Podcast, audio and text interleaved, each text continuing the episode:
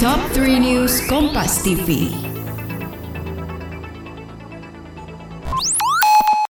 Halo Sobat Kompas TV, kembali lagi kita akan update 3 berita terpopuler yang terjadi pada hari ini, Rabu 13 Juli 2022 bersama saya Sinta Milenia di Top 3 News Kompas TV.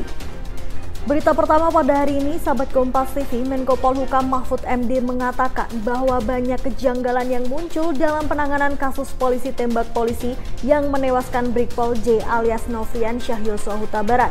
Mahfud menegaskan bahwa kredibilitas Polri dan pemerintah menjadi taruhan dalam kasus ini.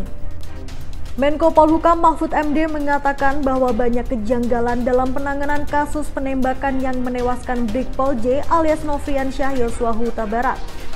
Mahfud menilai bahwa tidak adanya kejelasan sebab dan akibat penjelasan Polri dengan rantai peristiwa.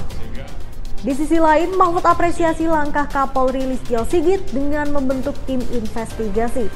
Menurutnya, langkah tersebut sudah mewakili sikap pemerintah.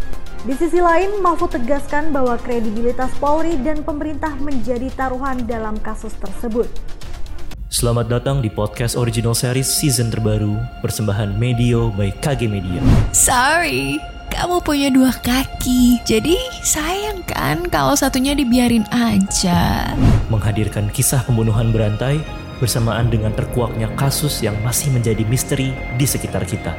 Dengarkan di podcast Tinggal Nama hanya di Spotify.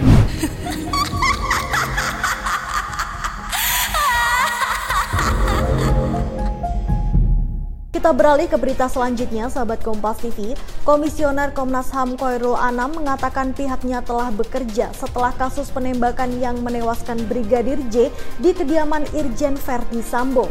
Koirul Anam menyebut bahwa ajakan Komnas HAM untuk terlibat ke dalam tim khusus ini merupakan spirit keterbukaan. Komisioner Komnas HAM Koirul Anam mengatakan bahwa pihaknya telah bekerja lebih awal setelah kasus penembakan yang menewaskan Brigadir J mencuat ke publik. Koirul Anam mengatakan ajakan Polri untuk melibatkan Komnas HAM merupakan spirit keterbukaan dan kepercayaan kepada Komnas HAM. Dalam tim ini, Koirul Anam menyebut Komnas HAM akan bekerja secara independen untuk mengungkapkan fakta. Berita terakhir pada hari ini, Presiden Joko Widodo menjawab keluh kesah pengusaha kecil yang tak mendapatkan bantuan langsung tunai usaha mikro kecil dan menengah.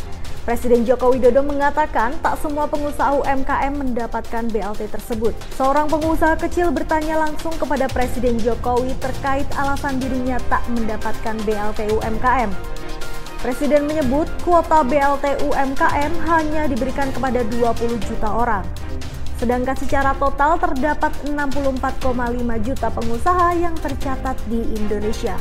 Baiklah sahabat Kompas TV, itu dia tadi tiga berita terpopuler yang terjadi pada hari ini. Saya Sinta Melenia, pamit undur diri dan sampai jumpa.